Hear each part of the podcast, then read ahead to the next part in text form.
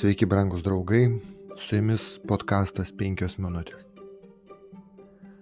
Jozapo gyvenimo Kananė ir Egipte istorija užeigma reikšmingą pradžios knygos dalį.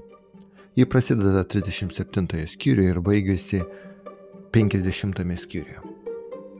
Tačiau visame šiame pasakojime išsiskiria 38 skyrius, kuriame nėra nei vieno žodžio apie Juozapą.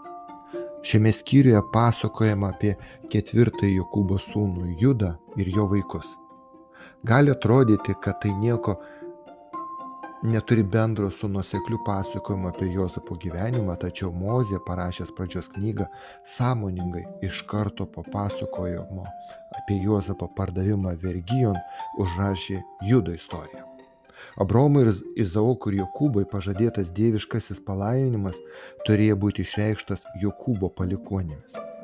Jokūbo sūnus Juozapas gavo pirmgimystę, tai patvirtina tas faktas, kad vietoj jo Jokūbo sūnumis buvo pradėta laikyti du Juozapo sūnus.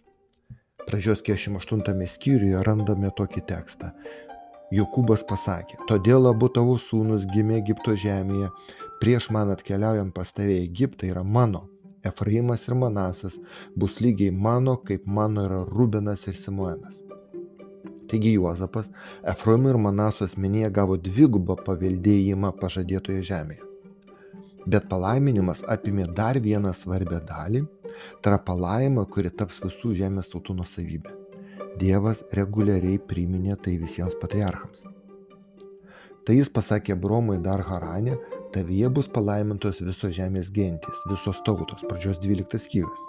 Izaokas taip pat išgirdo šios žodžius iš Dievo lūpų, kai Kananė buvo badas ir jis apsigyveno Gerarą krašte, pradžios 26 skyrius.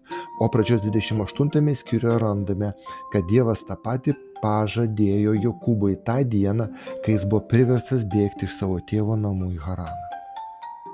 Pažymėtina, kad visais trimis atvejais pažadas įgyti žemę buvo siejamas su palikonio pasirodymo pažadu, kuris būtų palaiminimas visoms tautoms. Tiesą sakant, tai buvo duoto mesinio pažado patvirtinimas, kai viešpas atsigrėžė į žaltį ir pasakė, aš sukelsiu priešiškumą tarp tavęs ir moters, tarp tavo įnėjos ir jos įnėjos, jų trupins tau galvą, o tu kirsi ją į kūną. Pradžios 3.15.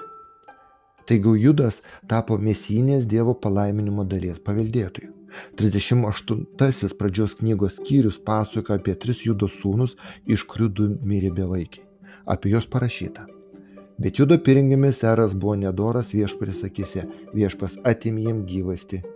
O apie kitą sūnų parašyta taip, ką jis darė buvo nedora viešpatis akise, viešpas ir jam atimė gyvasti. Tada dėl Judo santykių su Tamara gimė dar du sūnus dvinukai. Beje, šis Judo ir Tamaro ryšys aprašytas būtent 38 pradžios knygos skyriuje. Ir čia rašome, kad Judas turėjo dar vieną mažametį sūnų Šelą, kuris pažadėjo duoti Tamarai kaip vyrą, kai jis užaugs be bejonės. Bet tiesą sakant, Judas net neketino vykdyti savo pažado. Kai mirė Judo žmona, Tamara nusprendė kabutėse vesti Judą, nes kananiečių įstatymai, o Tamara, kaip ir buvusi Judo žmona buvo kananietė, leido tai daryti. Po visų įvykių, kurie aprašyti, paaiškėjo, kad Tamara nešino Judo, jis tik pasakė, ji teisesnė negu aš, nes aš jos nedaviau savo sūnui Šelai. Pradžios 38-26. Tamara pagimdė dvinukus Zerachą ir Perezą. Ir jiems buvo lemta tapti karaliaus Davido protėviais ir užimti savo vietą ne bet ko, o Jėzaus Kristaus genealogijoje. Mozė pradžios knygoje mums metodiškai parodo mesijo pasirodymo dieviško paždo nekintamumą.